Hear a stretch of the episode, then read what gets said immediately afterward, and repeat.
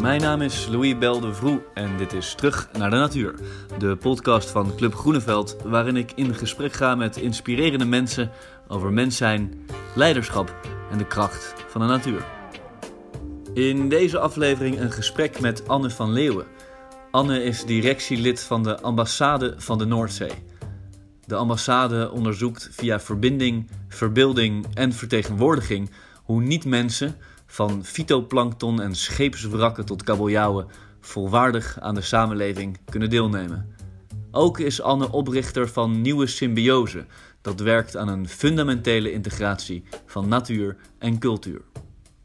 In ons gesprek hebben we het over het groeten van de zee en waarom er eigenlijk een onderscheid is tussen natuur en cultuur. Hoe we toe kunnen naar een denken in relaties in plaats van categorieën. Hoe een ontmoeting je nooit onveranderd laat. Hoe kennis over kan slaan tot belichaming. En dat je eens moet luisteren wat je hoort als je stil bent.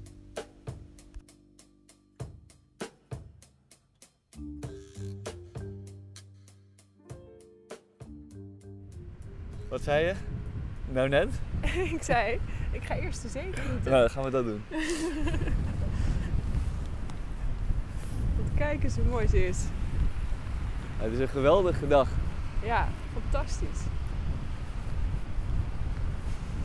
Oh, het ruikt ook zo lekker. Je zei net voordat we opnamen, zei je, ja, het is eigenlijk de beste white noise wat er is. Ja, Dus wat, wat mij betreft geven we die white noise nu maar gewoon even mee aan iedereen. ja.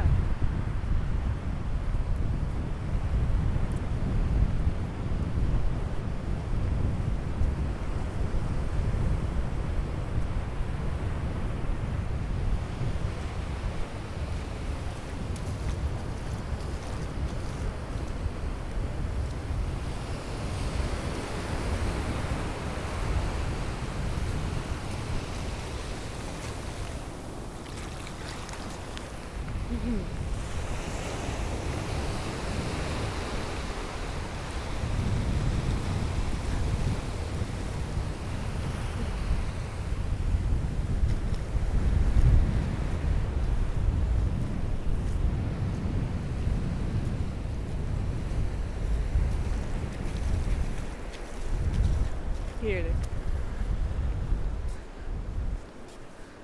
Wat heb je gedaan? Gewoon even de zee ingelopen. Heerlijk, even in contact met de zee. En de zee, en de zee gevoeld. Op Ja, het water in elk geval. Is dit, is dit iets wat... eh, nee, ik heb nog nooit met iemand rondgelopen die, eh, op het strand en die zei... Eerst even de zee groeten. is het iets wat je Nou, is- altijd doet? Of is het een... Nou ja, nee, het is, het is niet een, eh, een vast ambassade-ritueel of zo, maar het is wel. Eh, ja, ik heb nu de zee ook echt al een tijdje niet gezien. En dan. eh, ik voel wel echt een soort blijdschap. Ja. Om, eh, om weer even hier te zijn. Maar, eh, maar is het inderdaad iets, laten we zeggen... Dus de zeegroeten bijvoorbeeld al, hè? Ja, gewoon even erbij stilstaan. Ja, ik zo zeggen. Ja. even bij stilstaan. Maar is dat iets wat je vaker, vaker doet? Of de zee, of de natuur, of de... Nou, of, ja, wat me wel eens overkomt. Oké. Oké. Ja, ja. Je- Oké, ja. ja, je bent nu echt even, je komt nu echt even tegen de zee nu. Ja, Ja. ik ben blij. Oh, goed. Ja. Dat is een goed begin. Ja, zeker. Ja, want het zal niemand verbazen dat eh, wij eh, op dit moment langs de Noordzee lopen. Nee, Ehm, waar lopen we en hoe ziet het eruit? Kun je dat misschien even vertellen? Eh, ja, we lopen nu bij Zandvoort. dus eh, de, ja, de fantastische toeristische plek waar je is een van de eerste treinverbindingen vanuit Amsterdam naar de, naar de zee komt direct. Via Haarlem. En eh, ja, eh, Zandvoort heeft het allemaal. Het is de, de lelijke kustplaats, het is de, de romantische plek. En eh, ja, een heel mooi antropoceen landschap. Op de achtergrond zie je de hoogovens van IJmuiden, Ja, van Tatenstiel. ja. Nog windmolens. kitesurfers. Allemaal mensen die aan corona ontsnappen voor het moment. Veel honden. Ja, dit is wel een soort typisch doorsnee Nederlandse kustplek, zou ik Ja. zeggen. Het, is onge- het is echt heel erg lelijk. Het is ook wel heel lelijk, ja. ja. Het is ook wel heel echt, op een bepaalde manier. Eh, het, he- het heeft het een beetje allemaal. Ja. Er zijn ook heel veel mooie duinen. En, ja, En waarom... je- ja, wat zei je? een soort ontspannenheid, waar iedereen natuurlijk ook eh, van geniet. Ja, Het is een prachtige dag. Het is echt de, de lente... dat is heel mooi. Ja, de lente is meteorologisch begonnen, maar Ja, ja. je voelt... Ja, een kitesurfer, ja, hij, hij is er. ja. En waarom zijn we hier terechtgekomen? Want je zei, laat ik het zo zeggen. Als je... Je zei, ik heb de zee een tijdje niet gezien. Je woont niet bij de zee. Nee, klopt. Maar je bent opgegroeid bij de zee. Ja, wel in de buurt. Ja, ik fietste altijd naar eh, de fietsopgang bij Heemskerk. Dat is een beetje eh, de, de zeeopgang waar ik, eh, waar ik de, de Noordzee heb leren kennen, laat ik het zo zeggen. Ja. Als kind. En hoe En, heb je hem leren kennen? Zeg maar, was het al, was het, was het direct iemand? of of Ja, was het vooral heel veel nee, water? Dus de zee is wel gewoon altijd deel geweest van mijn leven, ja. Van jongs af aan. Ja. eh, ja, ik heb altijd wel een grote liefde gehad voor de zee. Ja, absoluut. Heerlijk, ja. En ook een, ook een, iets van een, ja, een band. Ja, dat denk ik, ja, zeker. En je bent nu, hoe lang ben je in de buurt van de zee geweest en hoe lang ben je er nu niet meer? Want je woont nu in Nijmegen. Ja, ik ben nu wel ruim een half jaar niet bij de zee eh, geweest. Een half jaar. Ja. Ja, dat voelt wel echt lang. Ja. Ja. Want kan jij eens uitleggen hoe je bij, hoe je van liefhebber en verbonden kind tot ambassadeur bent geworden van, van die zee? Want dat is, en misschien Ja. moet je iets die kant op, want die white nose vind ik heerlijk, maar wel- wellicht dat het wat, Ja, wat veel is. nou, de zee mag wel aanwezig zijn natuurlijk. Ja. Moet eigenlijk wel aanwezig Ja, zijn. Hij, moet aanwezig, maar hij blijft op de achtergrond, dat weet ik zeker. Voorgrond is ook goed, wat mij betreft. Maar eh, ja, nee, hoe, ja. Ehm, ja, dat heeft eigenlijk ook met een soort groter verhaal te maken. Eh, dat ik, ik kom een beetje uit een biologienest, zou je Ja. kunnen zeggen. En ehm, van die ooms die op dijken staan met kijkers. En mijn moeder is biologiedocent. En ik heb altijd veel tijd doorgebracht in de polder, heel veel buiten gespeeld. En nou ja, grote liefde eigenlijk voor alles wat leeft Ja. ontwikkeld. En ehm, Dat was normaal eigenlijk vanaf dag één in jouw bestaan. ja, Ja. ja, ja. ja. En ehm, toen ging ik naar de middelbare school, had ik ook een fantastische ehm, leraar kunst. En daar werd ik ook heel enthousiast van. En op, ja, op een gegeven moment kon ik niet meer kiezen. Dacht ik, oh, kunst, natuur, wetenschap, dat is allemaal fantastisch. Ja. Eh, en toen ben ik kunstgeschiedenis gaan studeren. Oh. En toen wilde ik eigenlijk heel graag ook biologievakken volgen. Ja. Maar dat, dat werd streng Dan mag niet. afgewezen door de examencommissie. Wauw. Dat vonden ze maar raar. Ja. Wat meteen al zo interessant is. Toch? Ja, dat is heel interessant. Want je zit Ja. dus al in een gebied en daar hoor je dan bij. Precies. Ja, ja letterlijk het is natuurlijk kilometers fietsen tussen de Alpha en de Beta Campus. Dus dat is Ook, goed ingericht. Ja. Ja. Ja. Dus nee, ik, eh, ik, ik merkte dat daar inderdaad een heel soort split zat. Die voor mij heel eh, gedwongen aanvoelde. En ja, dat is een beetje een soort lijn geworden in mijn leven. Dat ik eh, niet begrijp waarom we zo'n straf onderscheid maken tussen natuur en cultuur. ja. En in mijn zoektocht om naar een ander verhaal eigenlijk, ehm, kwam ik uit op, eh, op Bruno Latour, Ja. Franse denker. Ik weet nog dat ik zijn Politics of Nature las en dat ik dacht, ah, hier schrijft iemand op wat ik voel, wat ik ervaar. Dat- dat had je wel. fijn. Ja, Ja. ja, ja, wel dat je er eens doorheen geploegd Ja, bent. Dat is maar... Het is niet de makkelijkste eh, filosoof. Nee, nee, nee, niet het meest toegankelijke Nee, schrijver. Het nee. Lekker Frans en lekker retorisch. Maar het, het was wel echt eh, voor mij een... ehm, ja, ik voelde daar zit iets en daar, moet- daar moet ik iets mee. En Alsof er iets Eh. werd gezegd wat je, je herkende ik herken eigenlijk je eigen verhaal daarin. Ja, En, mijn eigen zoektocht in ieder geval. Ja. En, en dat is dan zo bevrijdend als je dan iemand vindt die het voor jou kan verwoorden. Van, oh, mijn denken bestaat, in het, bestaat al. ja. ja, absoluut. Ja, en toen begonnen we ook leesgroepen Oh, wow. eh, met vrienden. En eh, eh, om dat werk van Latour meer te begrijpen. En dan met onszelf natuurlijk ook meer te begrijpen. En ik zat dan op dat spoor en toen kwam ik Hey, sorry, wat, wat, is, wat, wat, was, wat was de lijn, misschien kan je het iets uitleggen, wat was de lijn van Latour die jij herkende? Wat was het, wat was het, het, het Nou, basispunt? Ja, Latour die maakt natuurlijk een. eh, eh, die geeft aan dat het onderscheid dat we maken tussen natuur en cultuur eh, een constructie is die tot, tot heel veel eh, problemen en uitbuiting leidt. Dus we, splitsen die categorieën Ja, en we definiëren eh, natuur als niet cultuur en andersom. Eh, waardoor het, een, het is altijd een of-of. ze, ze, ze, zijn, ze zijn gedefinieerd in elkaars tegenovergestelde, in elkaars negatief. Ja, en dat doen wij heel veel met, eh, in onze taal en in, in, in westerse landen en concepten. eh, is, het, is het vaak eh, een, een of-of. Dus dat, dat dualisme tussen of natuur of cultuur of subject of object of man of vrouw of feit of fictie.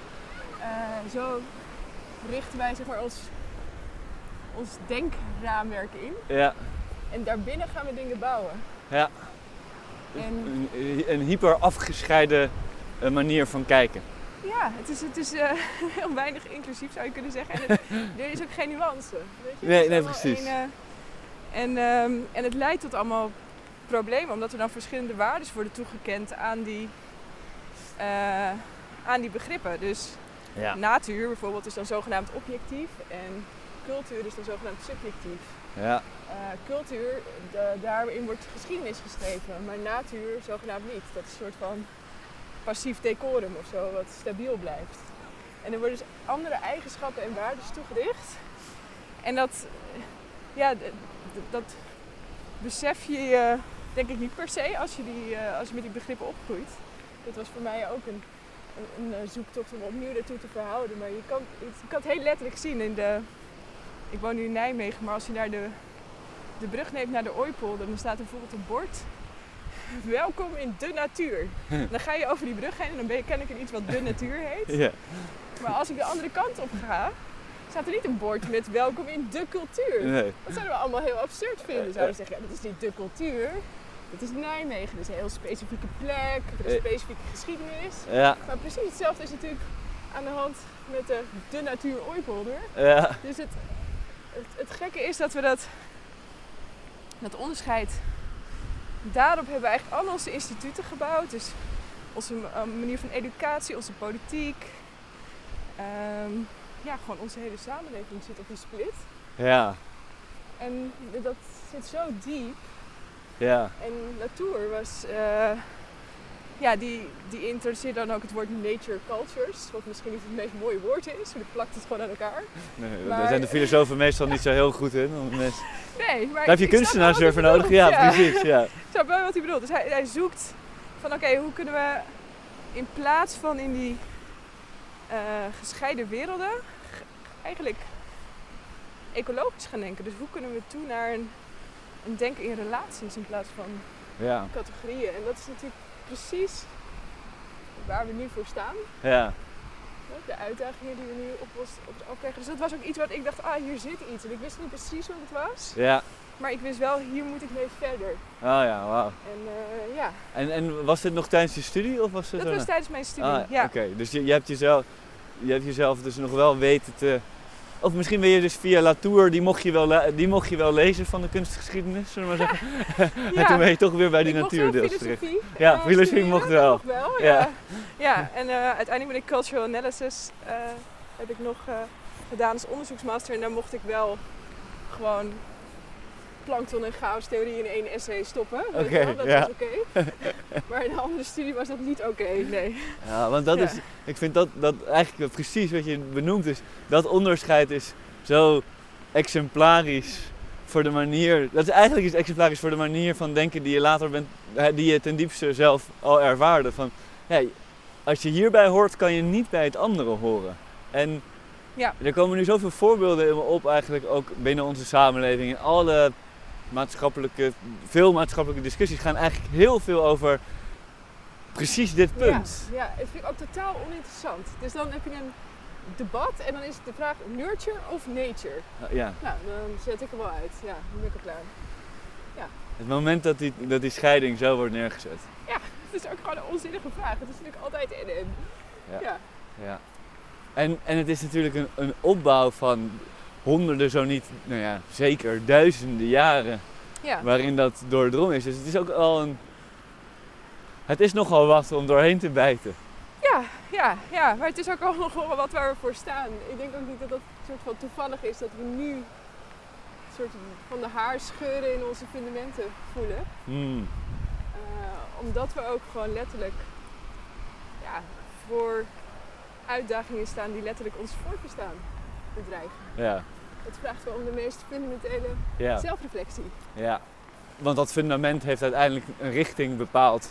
Ja, dat bepaalt wat je, hoe je je samenleving inricht. Ja. En dan vraagt het dus niet om, als we eh, de, eh, de metafoor van het fundament verder zetten, om zeg maar de torentjes op het paleis eh, andere dubbel, dubbel glas te maken. Ja. Maar het vraagt dat we dat fundament dus even gaan. Ja, dat denk ik, daar ben ik echt wel van overtuigd. Ja, Ja. Want anders blijf je eh, bezig met de symptoombestrijding. Hmm.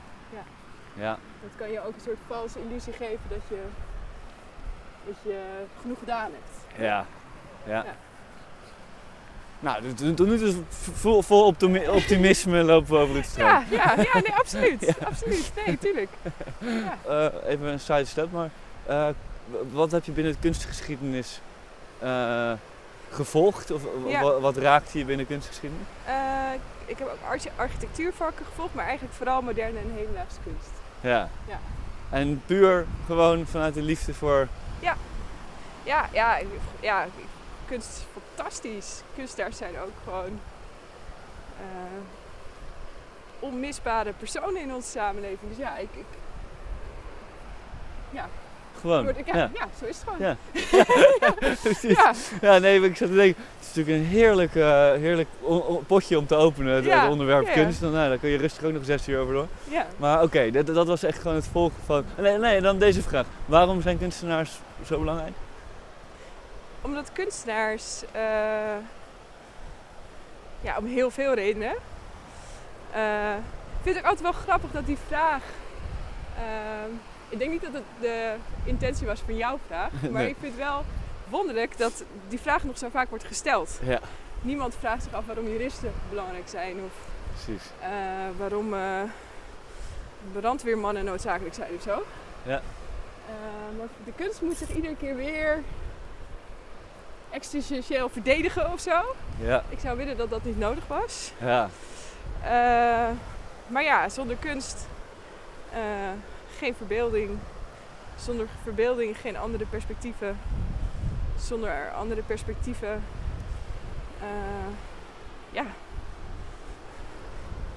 Is het ook gewoon niet mogelijk, denk ik, om de, de uitdagingen waar we voor staan, biodiversiteitsverlies en klimaatverandering, allemaal van die hele grootste dingen, ja. om gewoon ook andere manieren van samenleven te kunnen voorstellen. Ja, kijk, als je kijkt naar waar we terecht zijn gekomen, dan heeft alles een functie. En ja, als iets een functie heeft om het voortbestaan van het huidige systeem voor te zetten, ja, dan is het functioneel. Ja, En, en dat, is een, dat is een behoorlijke kaalslag van de manier waarop we in het leven staan. Ja. Want eigenlijk wat daar weg wordt gehaald is namelijk de ervaringkant. De ervaring van in het leven zijn. Mhm. En, en voor mij is ook een kunstenaar iemand die ja, dat eigenlijk naar boven haalt. En zegt, ja, maar de expressie van het betekent om mens te zijn. Ja. Dat laat het eigenlijk zien als, kijk, hè, eh, eh, dat aspect van de realiteit is er ook. Sterker Ja. nog, het is minimaal de helft. Ja. Zeg maar zeggen, van, van wat we doen in het leven. En ik, voor mij is dat ook ergens waar we nu terecht zijn gekomen. Waarin die, en misschien, dat is ook een linkje misschien naar Mhm. de ambassade van de Noordzee. Van ik denk, ja, dat gaat niet alleen maar over, over juri- dat is niet juridisch. Eh, nee, er is een bepaalde ervaring van het bestaan en die moeten we serieus nemen. ja, maar het is ook niet alleen een ervaring van het bestaan, maar het is een realiteit van het bestaan, zou ik, ik willen zeggen. Eh, maar er, er wordt gewoon op een hele specifieke manier gefilterd. Ja. En sommige dingen worden niet gezien of niet gehoord. Doordat er ook, doordat er, ja, en dat is wel boeiend. Als er geen woord voor iets is, Dan is het ook al moeilijk hè? Om, het, eh, om het een bestaan eh, te geven. Laat staan, eh, nee, de Noordzee is natuurlijk een heel mooi voorbeeld van.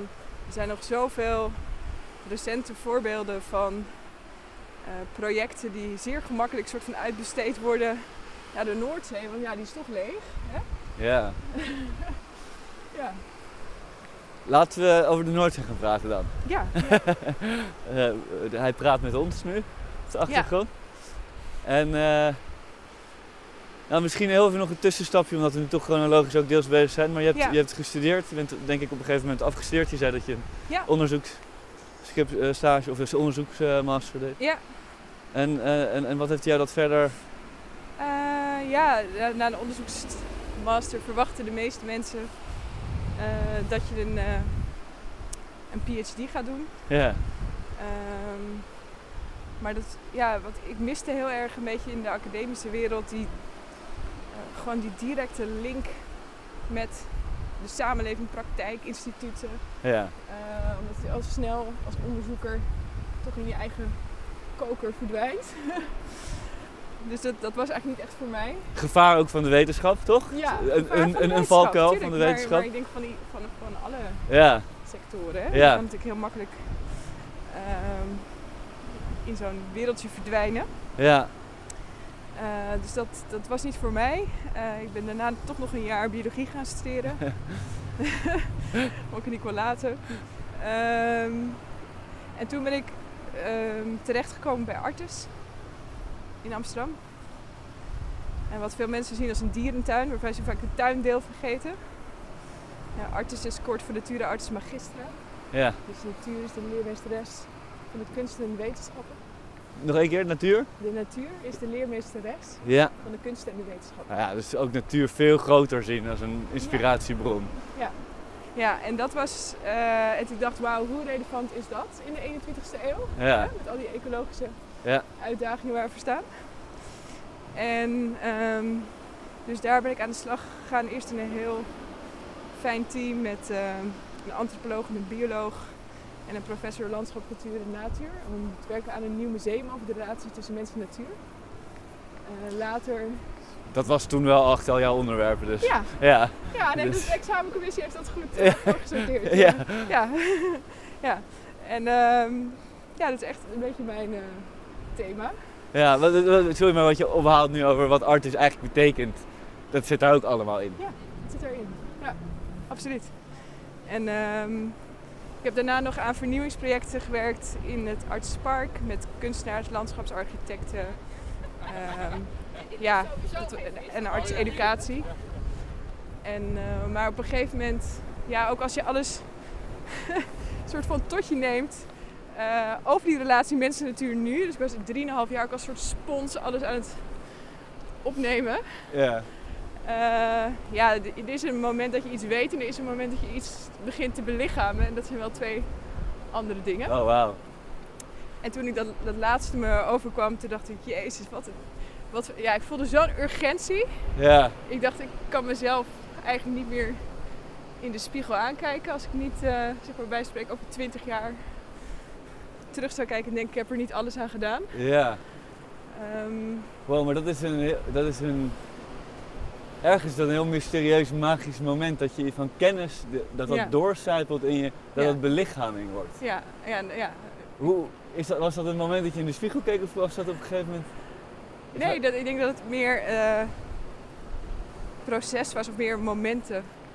Dat je het steeds meer dat gaat voelen.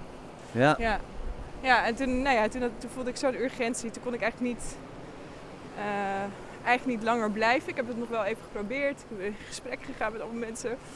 Eh, omdat ik dacht, ja, dit, deze plek, 1,4 miljoen bezoekers.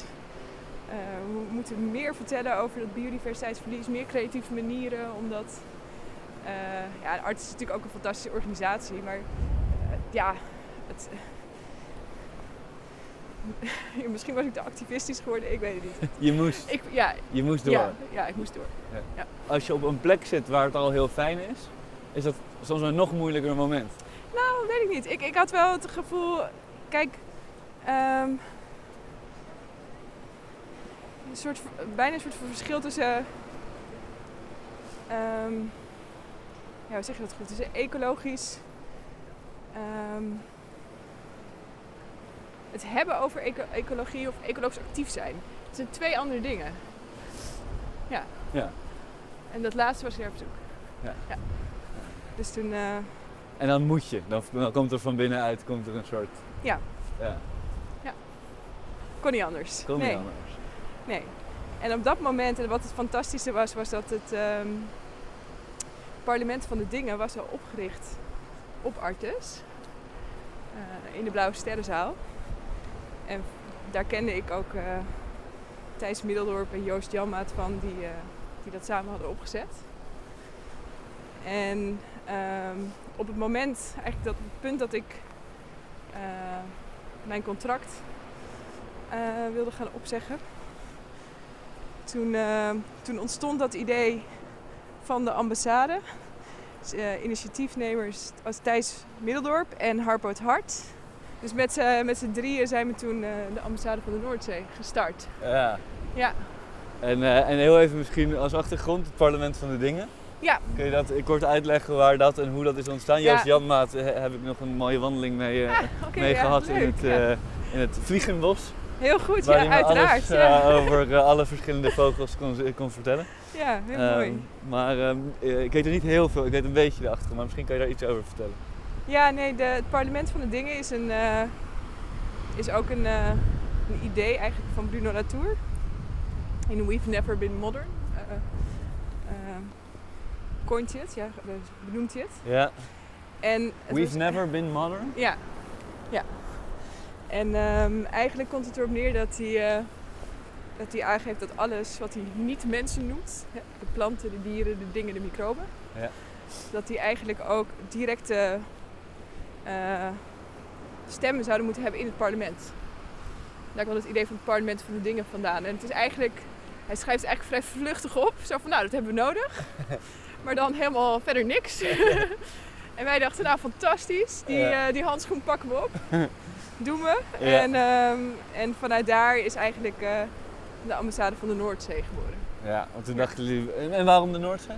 Ja, de Noordzee, ja. Ja we, we hebben sowieso alle drie natuurlijk... eh, eh, voelen we iets voor de Noordzee? Het is niet helemaal... eh, maar ook de Noordzee, ja, als je kijkt...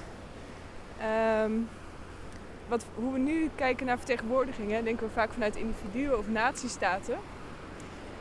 En de Noordzee is dan zo'n heel mooi, ja, een hele concrete plek, zou je eigenlijk kunnen zeggen. Ja. Het is geen natiestaat, dus het, heeft al, het overstijgt al dat idee dat het een natiestaat moet zijn. Ja. En eh, het is heel innig verbonden met eh, nou, Nederlandse, maar ook Europese cultuur. En eh, tegelijkertijd zijn er heel veel urgente uitdagingen. Ja, die moeten een soort van quick fix worden opgelost met de Noordzee. En het is onze grootste publieke ruimte. We hebben er geen idee van. Ik bedoel, op een kaart, ook heel interessant, gewoon een kaart van Nederland. Het Nederlands deel van de Noordzee staat er ook gewoon nooit op. Het staat niet op de kaart. Nee, het wordt het gewoon afgesneden. van- Ja, het is gewoon totaal Ah, geen ja. deel van ons bewustzijn, de Noordzee. Nee. En het heeft, het heeft het eigenlijk, ja, het heeft al die lagen en ook al die mogelijke antwoorden op hoe kan je grensoverschrijdend eh, denken en werken. En eh, Het is ook mooi om te ja, het beseffen- heeft ons heel veel te leren gewoon. Ja. Ja, het is, als je zo, als ik, ik zit nu na te denken over de Noordzee dan denk ik... En dan zie ik dat water vormen en dan, ik zie het ook vrij letterlijk nu vormen. ja. Maar het raakt aan het, aan het land. Ja. Hè? Dus het is het, We zien alleen, dus zeg maar, Het is echt die, dit. ja, maar het is echt die verbinding. En tegelijk als je dan verder erin gaat, is het, zit al het levende wezens zitten daar nog in. ja. Eh, eh, wij varen er een beetje overheen. En als je dan een beetje doorgaat, dan kom je ook bij Engeland terecht. Ja, en het is ook niet alleen de, de kust en de zee. Hè. Als je de kaart van boven kijkt, Nederland is gewoon één grote delta.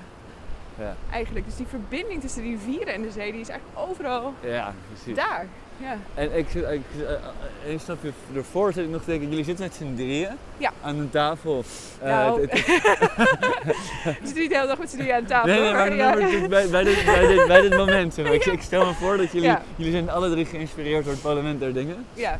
En hebben het gevoel, we gaan, we gaan deze handschoenen ophouden, we gaan iets doen. Ja. En ik kan me voorstellen dat er een paar gegadigden waren waar jullie ambassadeur voor zouden worden. Zeg maar, het duinlandschap van Nederland, de Noordzee, eh, de rivierdelta. Ik kan me voorstellen dat er een paar, dat het uiteindelijk de Noordzee is geworden. Maar ik ben Ja. zo benieuwd wie is afgevallen. Dat kan ik me niet eens Nee? herinneren. Volgens mij was het gewoon altijd de Oh, dat Noordzee. is altijd de Noordzee. Oh ja, dan is het helemaal goed. Ja, Ik ja. heb allemaal van die arme natuurgebieden in Nederland die, Ja, die afgevallen graag zijn. ook een ambassade... Nee, maar ik bedoel, eh, ga vooral je gang, weet je? Start er één op. De ambassade voor de regenworm. Ja, go. Ja, Ja. precies. Maar de Noordzee is het dus geworden. Goddank. Ik denk dat dit er... Ja, nee, ja. vind het fijn dat hij een stem eh, begint te krijgen. Als ik hem eh, zo zie. Ja, ze, ze heeft al een stem, hè? Dat is een van de misvattingen die we Hmm. hebben. Eh, dat we denken dat we iets een stem moeten geven. Zo'n typisch menselijk perspectief. Ja. Maar al die stemmen zijn er al. We moeten alleen naar leren luisteren. Hmm. Kun je daar iets meer over vertellen? Dus ze heeft een stem. Nou En ja, hoe, hoe, hoe, hoe, alles heeft... Kijk, waarom, waarom stel ik deze zeg maar, menselijke vraag? Omdat we, ja, dat, dat is misschien, hè, we've never been modern, het, het moderne perspectief. eh, is dat de mens toch nog los van natuur, daar heb je weer een soort die, die natuur-cultuurscheiding. en dan gaan we ervan uit dat mensen stemmen hebben en andere dingen niet. Of misschien iets wat we dan nog als mens kunnen herkennen, een chimpansee of een, Ja. nou ja, die heremietkreeft, ja, voordat die een stem heeft. Ja. Dat, eh, Moeilijker. ja. Ja. kunnen we ons niet voorstellen bijna. En ehm, ja, het is, het is toch vanuit ehm, dat denken dat we altijd het gevoel hebben dat wij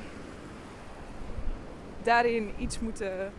eh, hè, dat wij een stem moeten geven in plaats van we moeten luisteren. Het is eigenlijk Ja, een dat is- fundamenteel dat. andere, andere, andere verhouding. Maar dat woord. Ja. Luisteren. Luisteren. Ja, Ja. precies. Ja, en het verschil tussen een stem geven en eerst maar eens gaan luisteren. Ja. Ja, daar zit zo'n geweldige arrogantie in. hè? Nou, het gaat over, het gaat over actorschap. Dus het, het is het, het gevoel dat, dat alleen wij als mensen ehm, de wereld vormgeven. Ja. Hè, Wij hebben een stem, wij hebben geschiedenis, dus wij kunnen ook toekomst maken. Hmm. En natuur zogenaamd niet, want dat is dat passieve decorum. Nou, dat is, dat is gewoon... Dat is het interessante van het idee van het Anthropoceen, het tijdperk van de mens, waarin we nu leven. Of in ieder geval waar nu het Royal Society of Geology in, in Londen eh, een beslissing over moet nemen. Leven we nu in het Anthropoceen. En eh, het, het paradox is dat het tijdperk van de mens heet. En dat is ook de tijd waarin de mens letterlijk onder de huid van de aarde is gekropen. Waarin we in de aardlagen meetbaar als geologische kracht aanwezig zijn. Het collectief van mensen. Maar tegelijkertijd is het de tijd, en dat verhaal wordt dus veel minder verteld. Of veel minder goed begrepen misschien. Of daar wordt niet naar geluisterd. Misschien is dat het wel. Tegelijkertijd is het tijd waarin wij leren dat wij interafhankelijk zijn van allemaal andere Hmm. organismen, dingen. Dus hè, ijsbergen vormen nu deze kustlijn. Insecten bepalen de landbouwopbrengst. Microben bepalen mijn gemoedstoestand. Ja. Dus ik kan er maar beter naar luisteren, Ja. want ze geven deze wereld ook vorm. ja, dus het moment dat wij onszelf inderdaad, dat we zelfs het tijdperk opeisen, ehm, blijkt, blijkt tegelijkertijd dat, dat wij een onderdeel zijn, veel meer onderdeel zijn dan eh, actor, dan bepaler. Nou, mede. En dat, is, dat is natuurlijk het hele. eh, dat is die hele soort van aardverschuiving tussen onze natuur-cultuur Ja. eh, categorieën. Dat die achtergrond, hè, dat is ook Latour zijn argument, die achtergrond, die passieve achtergrond van natuur, en waarvan we ook konden zeggen, omdat het anders is, mogen we het exploreren, maar mogen we het ook exploiteren. Hè? Het is iets anders. Ja. Blijkt dat die hele achtergrond niet meer een achtergrond is, maar dat we opeens allemaal op hetzelfde podium staan. En dat is Mm. wat het zo tricky maakt. En Ja. hoe moet je je dan opeens verhouden Ja, tot 99,9999% van al het leven? Die iets, daar moet je iets mee.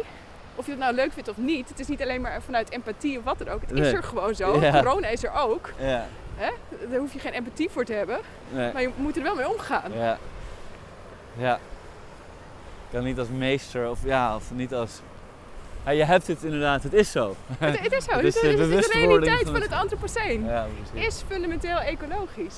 Ja. En, En, dat, en dat is dus waar, eh, waar we een vorm voor moeten, vinden. Een, eh, ja. een vorm van samenleven. En ook specifiek met de ambassade, een vorm van politiek. ja, want dat, want dat is natuurlijk, dat is dan toch het, het, het, het, nadat je geluisterd hebt, toch het soort van stem geven binnen de maatschappij zoals wij hem hebben gecreëerd. Laten we Ja. een juridische stem. Ja, luisteren eh, dus. eh, ja? precies. Ja. en, eh, maar heel even nog voordat we de politiek instappen. ja. Hoe ehm, is jouw ervaring of jouw. want je vertelde, hè, dus kennis werd op een gegeven moment. Eh, eh, hoe zei je dat? Beleving of het werd eh, geïncorporeerd. Je werd, betekent dat ook dat je anders door de wereld loopt? Ja, absoluut. Ja. Ja. Nog steeds hoor, nog steeds leer ik iedere dag. En ik, ik ben er nog steeds niet. Ik denk dat het heel moeilijk is om er te zijn, maar ik, Wat betekent dat er te zijn? Of? nou ja, ik weet niet of je er kan zijn, maar het is, het is een soort ehm, bewustzijn dat ik geen individu ben. Ja? Ik denk dat dat een van de belangrijkste. Dat, dat, dat, dat, zo ervaar je dat, die verschuiving is. Ja. Ja, ik, ik- wat ik mee heb gekregen uit mijn educatie is dat je een soort van afgeschermd individu bent. Die dan door de wereld gaat hè, en geschiedenis schrijft, zoals we dat leren. Ja. En dan op het moment dat je, dat je wereldbeeld gaat verschuiven, gaat je zelfbeeld ook verschuiven. Ja. Dus als opeens dat wereldbeeld een soort van fundamenteel ecologisch wordt, ehm, ja, dan blijkt je opeens ook zelf een collectief te zijn. Hmm. En dat is nog steeds zoeken van, ja, wat is dat dan eigenlijk? En hoe Ja. vertegenwoordig je dat? En, En, en, en hoe kan, kan je dus soort van de kwaliteit van die ervaring een beetje proberen te delen? Hoe ervaar je dat je steeds minder individu wordt en meer onderdeel wordt van collectief? nou, ik vind het ook wel heel verrijkend eigenlijk. Ja. Ja. Je bent nooit meer alleen. Ben je nooit meer alleen? Nou, in zekere zin. Ja. Ja, al mijn wimpermijten en mijn, en microben. Heerlijk, ja. Ja, Maar en, en, en bijvoorbeeld, en dat zijn je microben. ja. Ehm, maar, en, en, maar en groet je bijvoorbeeld de zee? Eh, Heeft dat ermee te maken? Kan je nu dus, want de- als jij de zee groet, dan groet je echt de zee. Dus dat is niet een soort eh, lege gewoonte. Maar kon je de zee ook groeten voordat je dat bewustzijnverandering hebt doorgemaakt? Ehm, oh, dat weet ik niet. Ik denk dat ik altijd wel heel blij was de zee te zien, in ieder geval. Ja. Ja, maar misschien hebben we wel meer rituelen nodig. Hmm. Dat, dat, eh, dat zou kunnen. Ja. Nou ja, dus als ik met je praat, dan denk ik. eh, een, een van de dingen die altijd naar boven komt, is dat, dat woorden geven aan, aan ervaringen. Ja. En eh, dat intrigeert mij altijd. Van, Ja. Aan de ene kant, hoe meer woorden je hebt voor de wereld, hoe rijker die wordt. Ja. En tegelijkertijd kom je nooit precies met woorden bij die ervaring. Nee. En, en dat vind ik altijd een hele boeiende wisselwerking. Nou, ik denk dat daar wel een waarheid in zit. Dat ehm, het misschien wel eh, mogelijk is als je een ander soort relatie hebt met een plek, bijvoorbeeld. ja. Of een werkrelatie. De, eh, Robert McFarlane geeft in zijn boek Landmarks een heel mooi voorbeeld ervan. Van een moor in Schotland. En ehm, dat zolang mensen daar eh intense werkrelatie mee hebben, hebben ze een soort van 400 woorden voor al die lichte variaties Hmm. in dat, in dat mo- moerasgebied, zeg maar, in dat heidegebied. Ja. En dan, eh, dan hebben ze een woord voor, oh, hier was net, ik weet niet of dat is, is geen, eh, geen specifiek voorbeeld dat bestaat Nee. waarschijnlijk, maar hier is net een schaap langsgelopen paadje eh, woord. Ja.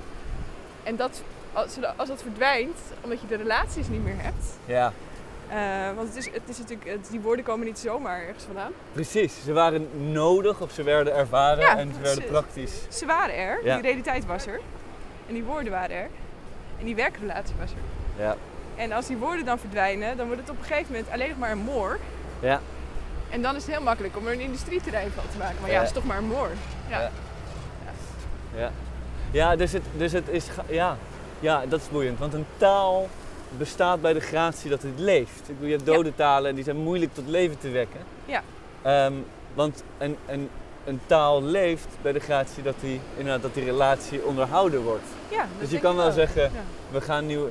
Ja, dus het werkt ook twee kanten op. Dus je kan niet alleen maar zeggen, we creëren nieuwe woorden, want we denken dat het belangrijk is voor die relatie. Het kan, Ja. iets, het kan helpen om het te openen, Ja, maar dan is het wel van belang om dat te vullen. ja, dat denk ik wel.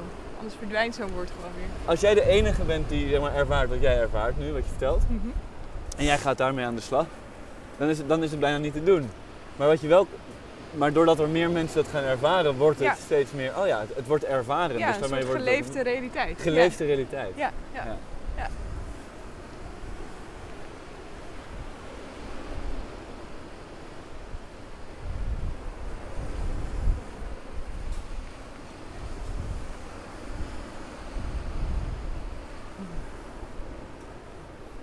De kleuren zijn ook zo mooi.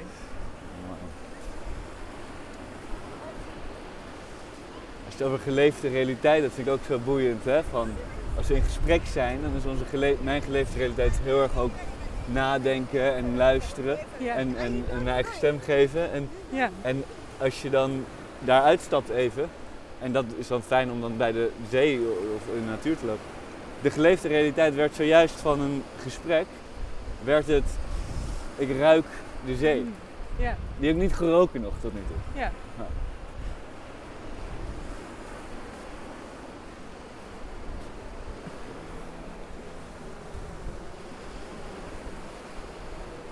Ja, en ik denk dat de Noordzee in, dat opzicht misschien ook een heel interessant, eh, interessante entiteit is, als je het zo zou kunnen noemen. Eh, omdat er zit ook zo'n kracht achter. Dat het ook iets is dat, ondanks dat we het niet gewend zijn, of ondanks dat we misschien niet willen, dat we toch de zee serieus moeten nemen. Hmm. Dus in die zin is het ook een, eh, een- een mooie instapcasus om andere entiteiten serieus te kunnen nemen. We moeten wel. Er zit toch gewoon wat kracht achter. Ja. En eh, ik zit nu te denken, dit, dit kan twee kanten op werken, dit voorbeeld. Maar we, we hebben de zee zo serieus genomen dat we een afsluitdijk hebben weten te creëren en, en, de, eh, en in en Zeeland. Ja.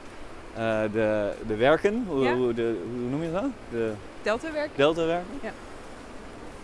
Waarvan je zou kunnen zeggen, nou we nemen ze nu zo serieus. Of we kunnen het idee krijgen dat, nou, die hebben we wel overwonnen, die Noordzee. Ja, ja, ja. Dus ook, oh, weet je wel, hebben we ons ook weer boven geplaatst. Ja. Eh, Ja, twee manieren om je wel fundamenteel te scheiden. Ook. Ja, weer. ja. ja, ja. De schuttingmentaliteit, zeg maar.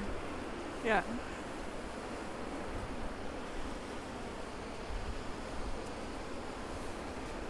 Bij, eh, wat is het, eh, op Terschelling volgens mij.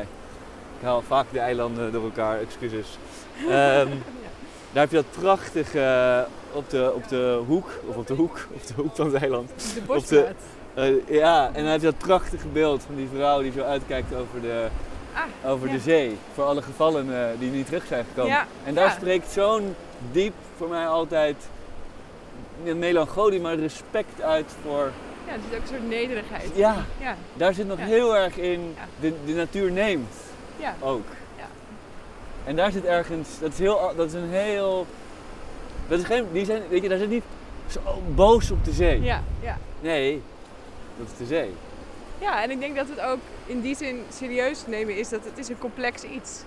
Het is niet alleen maar leuk en lief en schattig en romantisch. Nee. Eh, het is ook gewoon een keiharde onderhandeling. Hmm. Ja.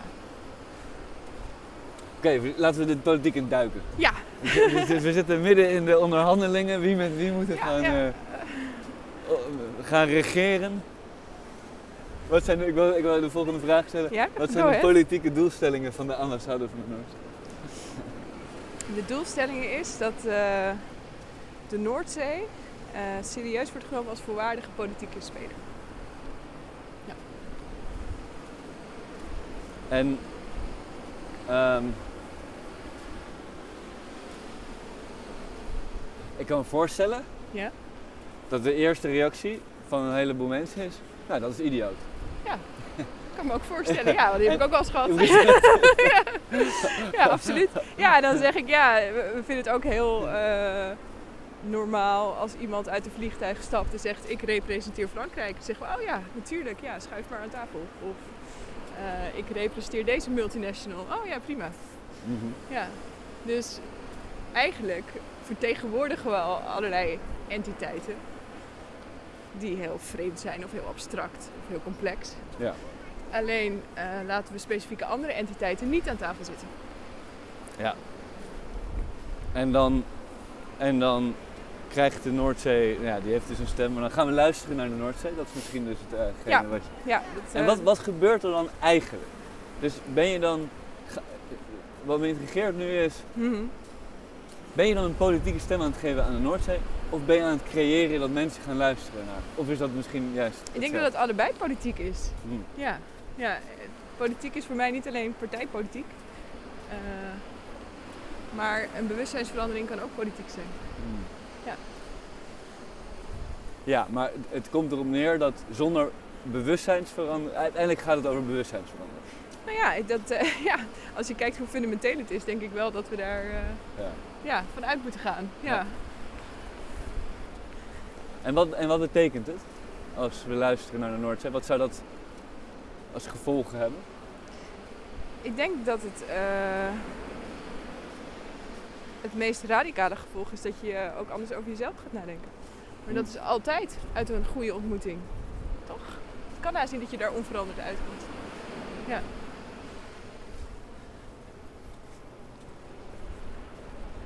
Ja, Anne, Lodehout Singh, eh, een antropoloog, die zegt dat altijd heel mooi. Dat is ook een, een, ehm, een methode die we gebruiken met de ambassade van de Noordzee. Die zegt, to listen is a method and why not call it a science?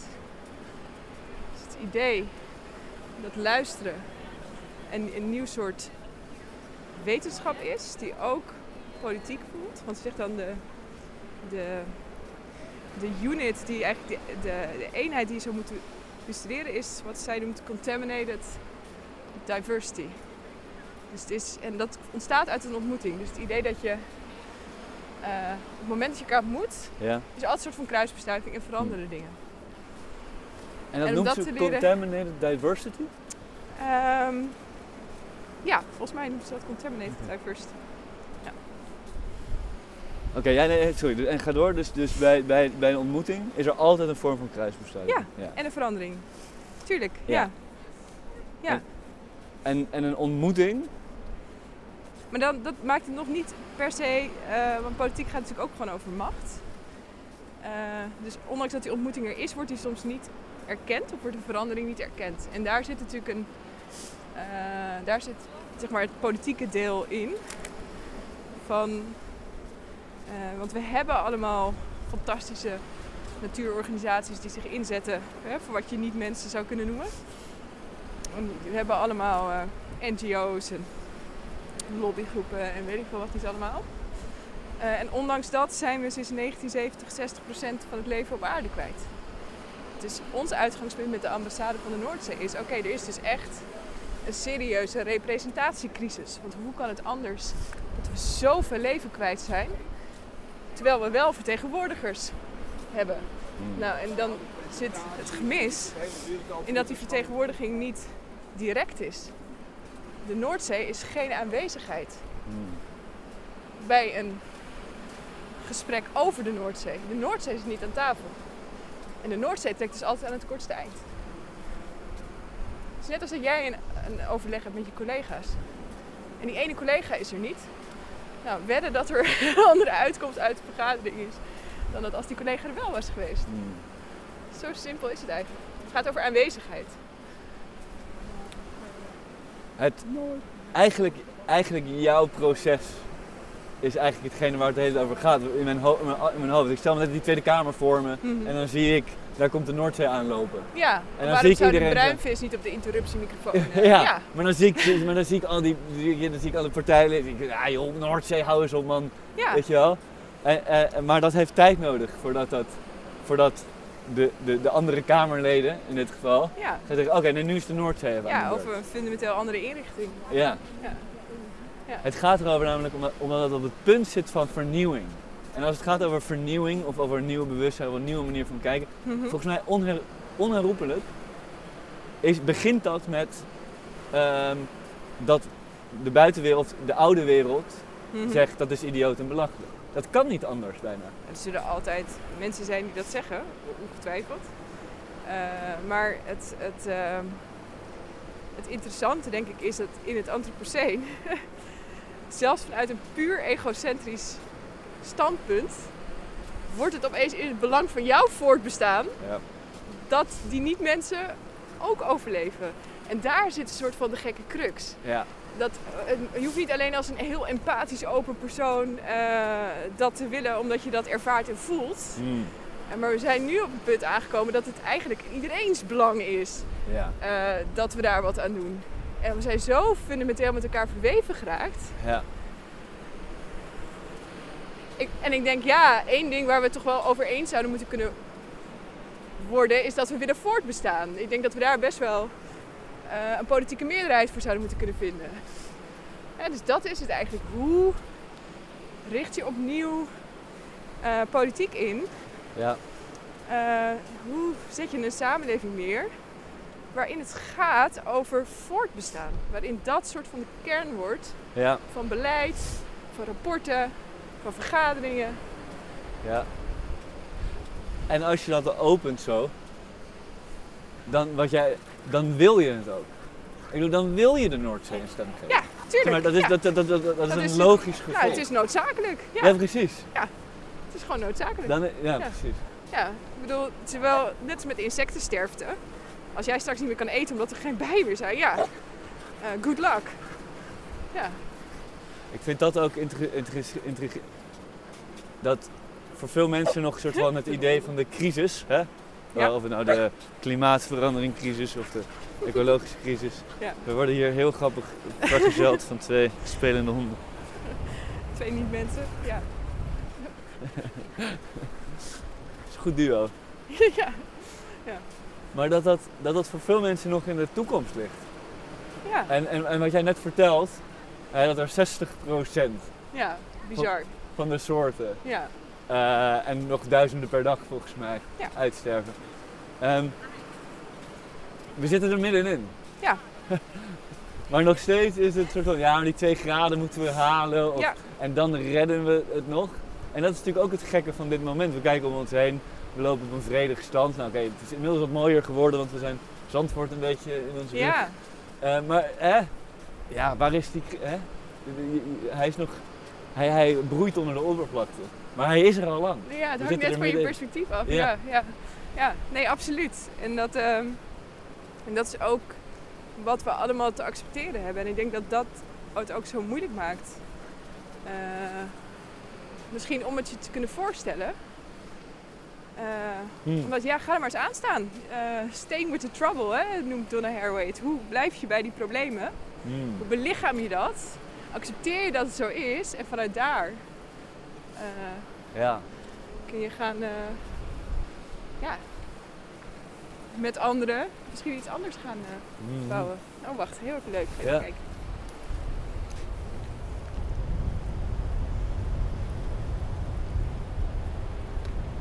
Een zeekoet.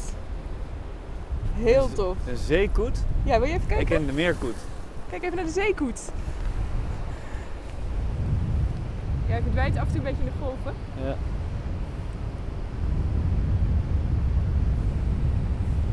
Zie je hem? Ja, daar. Zwart-wit. Ja. Ja, daar is hij. Fantastisch.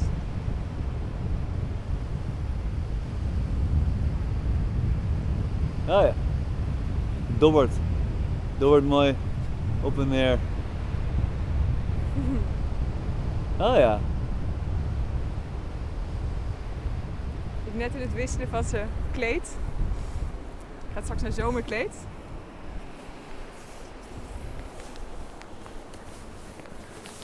Ben je vogelaar? Ja, Ja. En among die other things. ja. natuurliefhebber.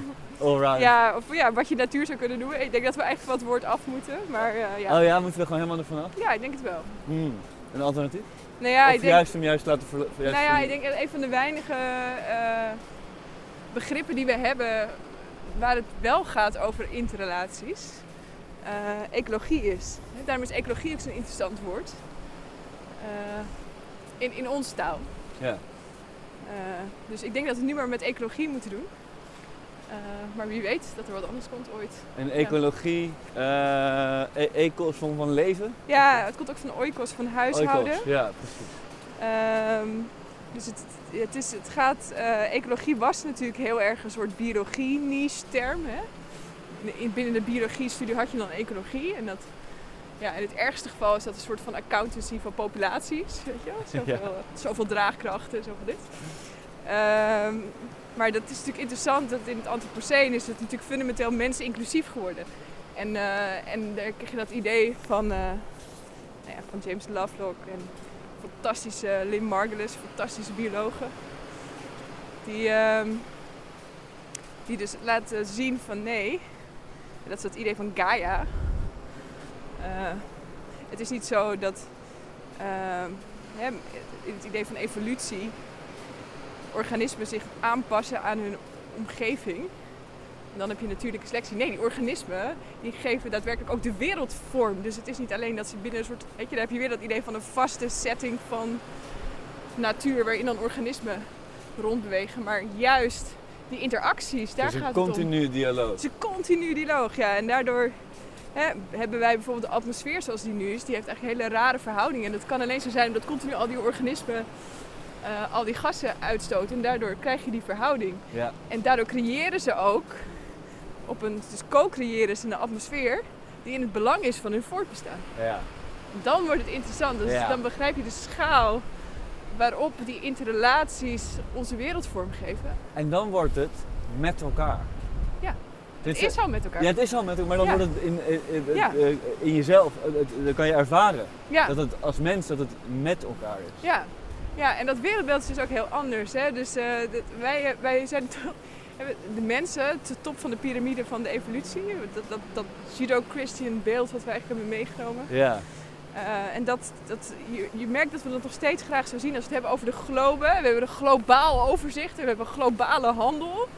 Ja, dat is allemaal heel erg onzin. Dat hebben we helemaal niet. We hebben geen globale handel. Want eh, hey, als jij de globe ziet, ja, waar sta je dan? Zou Peter Sloterdijk zeggen. Wat voor kleren heb je aan? Wat eet je eigenlijk? Ja. Hoe overleef je in godsnaam? Ja. Waar ben je? Een soort point of nowhere God's view.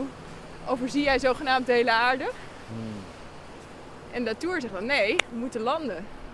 Fundamenteel terug in relatie tot die aarde. Noemt dat critical zone. Want het enige, het is ook niet, de globe is ook een soort van beeld van een soort, ja, een soort al, almachtige eenheid. Maar als je, als je gewoon kijkt, een totaliteit. Ja. Maar als je kijkt waaruit zo'n totaliteit is opgebouwd, zijn het allemaal gelokaliseerde satellietbeelden en een enorme dataprocessing.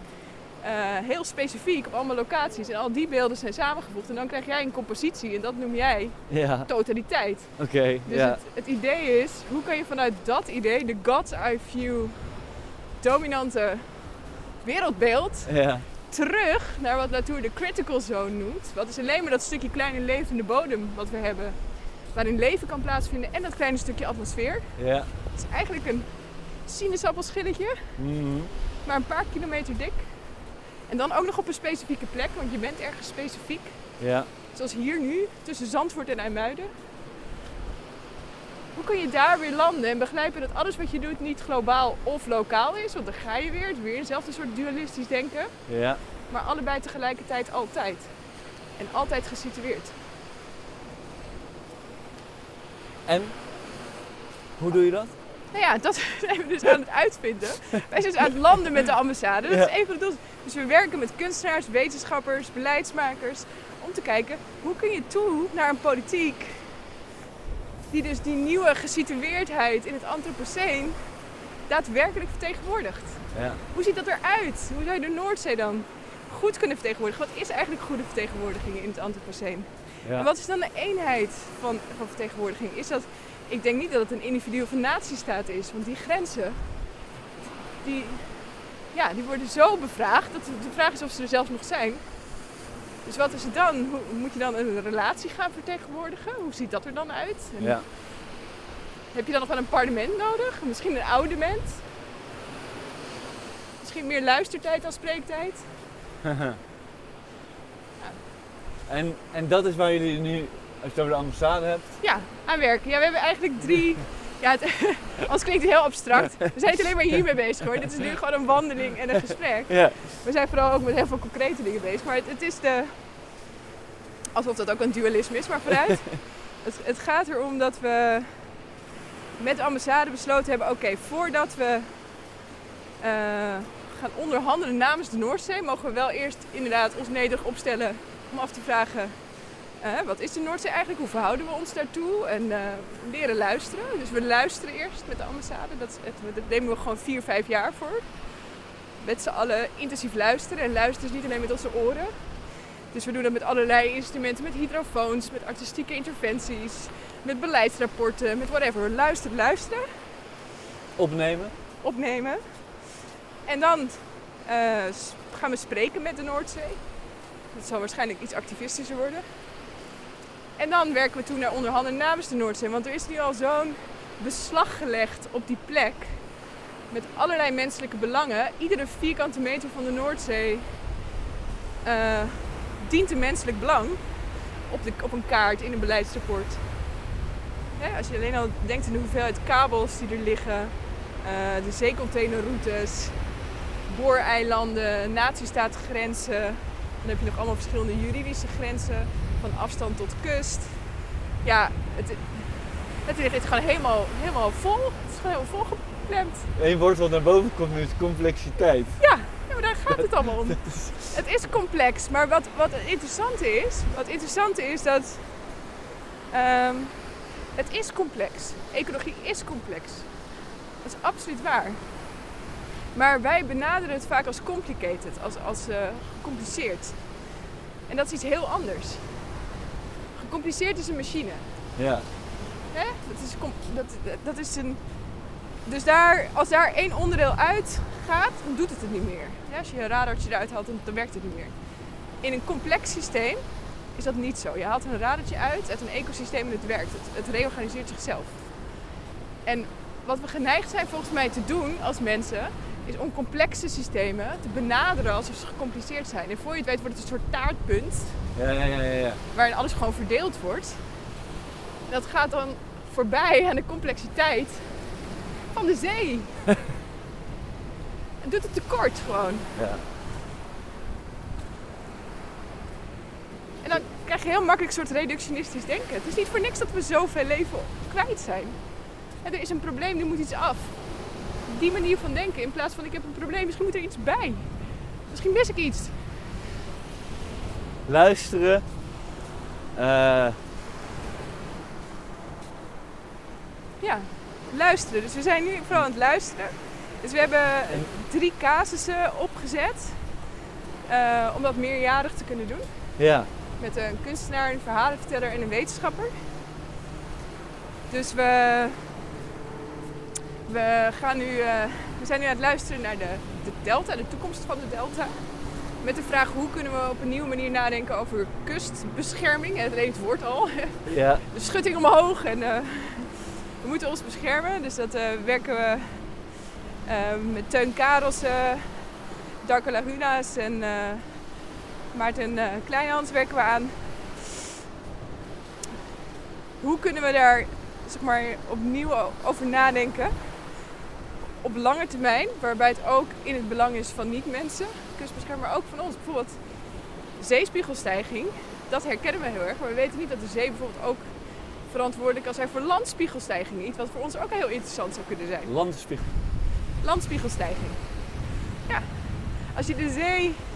Ja, Maarten Kleins kan dat veel beter vertellen, maar hij is een beetje de professor van eh, water en zand, zou je kunnen zeggen. Maar Ja.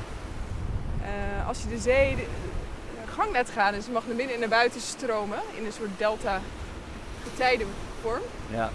dan vormt ze ook land. Brengt het land mee. Ja. Ja. Ja. En je vertelde het net mooi, dus je hebt eigenlijk drie stappen. Je hebt luisteren, dan Ja. heb je nog niet spreken, dan heb je nog een andere Ja, stap. dus dus. luisteren Ja. naar, spreken met en onderhandelen namens. Oké, en onder de namens is dus echt, dat komt Ja, nadat je hebt komt. geluisterd. Dat komt. Ja, we zijn nu eerst aan het luisteren. Dat doen we dus nu in drie casussen eh, met het Delta-team. We hebben een team dat eh, zich focust op onderwatergeluid. Het is een van de meest, ja, zeg, kun je zeggen, vergeten ehm, vervuiling van de zee. Wij zijn natuurlijk heel erg Geluidsvervuiling. ja, dat is enorm. Ja, wij zijn natuurlijk heel, wij zijn zo, we hebben zo'n landperspectief, dus voor ons is zicht heel belangrijk. Hè? Ja. We zijn zo visueel ingesteld. Eh, maar onder water is communicatie het belangrijkste, is, is, ehm, is geluid het belangrijkste communicatiemiddel. Dus het maakt een enorme impact, eh, ons geluid ook, Ja, op de communicatiemogelijkheden van heel veel andere zeewoners. ja, tuurlijk. Dus dat is een onderzoek dat we doen. En eh, een derde meerjarig onderzoek is eh, de paling, de stem van de paling. Dat gaat eigenlijk over dat de paling ook een Amsterdammer is, maar dat we dat vaak vergeten. En, eh, en dat we, we zijn nu bezig om te kijken of we een palingpark kunnen ontwikkelen in het ei, waarbij mensen en paling elkaar kunnen ontmoeten. Het is, de paling is een soort van metafoor ook tussen de relatie stad en land, of stad en zee, land en zee. Omdat de paling maakt, ja, het grappige is dat wij helemaal, we hebben een soort palingsound en de palingcultuur, weet je wel. Ja, een hele Nederlandse cultus bijna rondom de paling. De paling is kritiek bedreigd.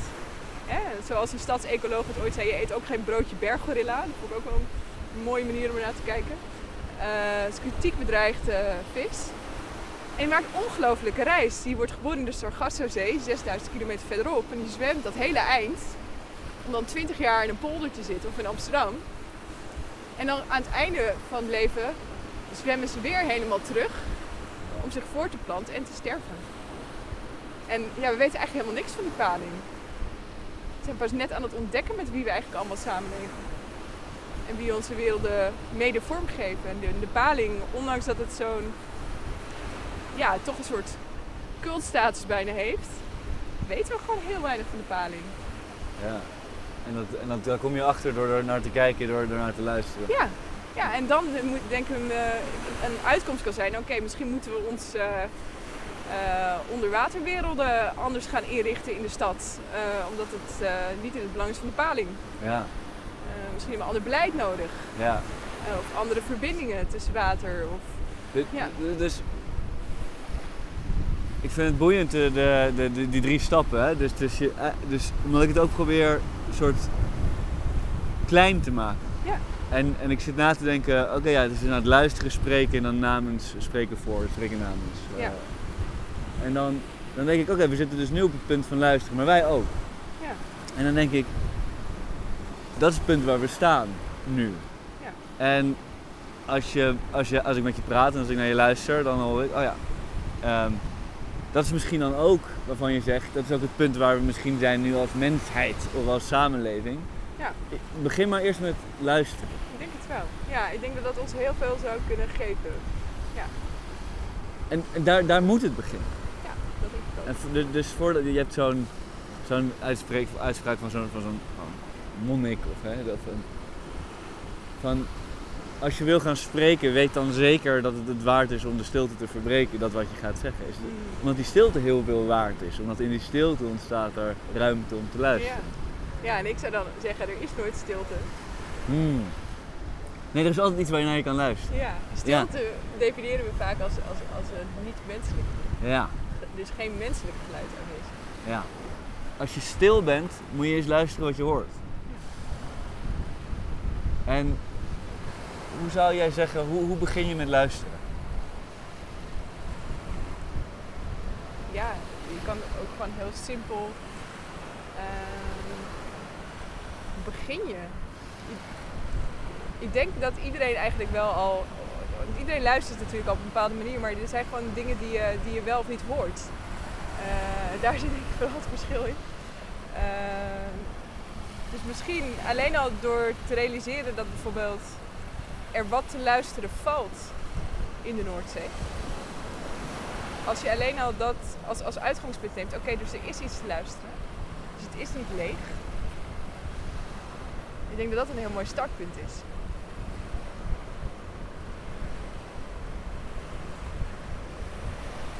We hebben veel eh, gesproken. Zullen we dan nu eindigen waar we mee hadden moeten beginnen? Of hadden moeten beginnen. Ja? Eh, even luisteren naar de Noordzee. Ja, heel graag. En dan ga ik luisteren naar de Noordzee, misschien iedereen. kun je, eh, laat- we moeten nog Ja? ongeveer drie meter. Nou ja, ja, maar kun, jij dan nog één keer, soort van, iedereen hoort nu de Noordzee. En zou je dan nog één keer, nou niet willen herhalen, maar nog een keer willen zeggen op welke manier je misschien om te beginnen moet te leren luisteren. Ja, ik denk dat eh, een goed uitgangspunt is ehm, dat als je niet iets menselijks hoort, dat er geen sprake is van stilte. Dus een, een goede oefening is om ervan als uitgangspunt te hebben dat er heel veel te luisteren valt in en naar de Noordzee. En, eh, en je dan af te vragen wat je dan eigenlijk hoort en welk vooral wat je dan dus misschien niet hoort of niet eerder hebt gehoord.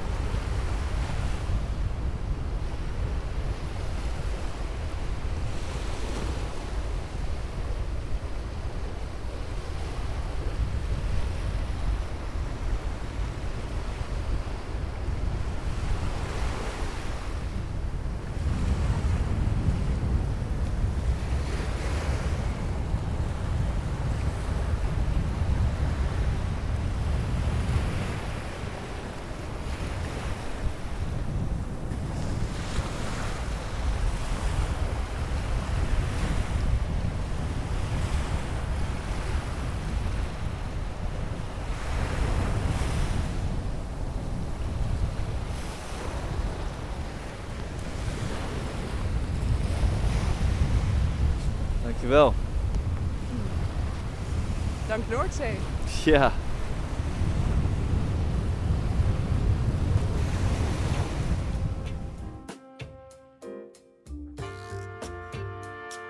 Je luisterde naar Terug naar de Natuur, de podcast van Club Groeneveld. Met dank aan Anne van Leeuwen, Christiane Bosman, Martin Groenendijk, Marcel Tjepkema, Noah van Bentum en Lonneke Rodens. Wil je meer weten? Ga naar www.clubgroeneveld.nl, ook als je wilt deelnemen aan onze programma's en collegereeksen.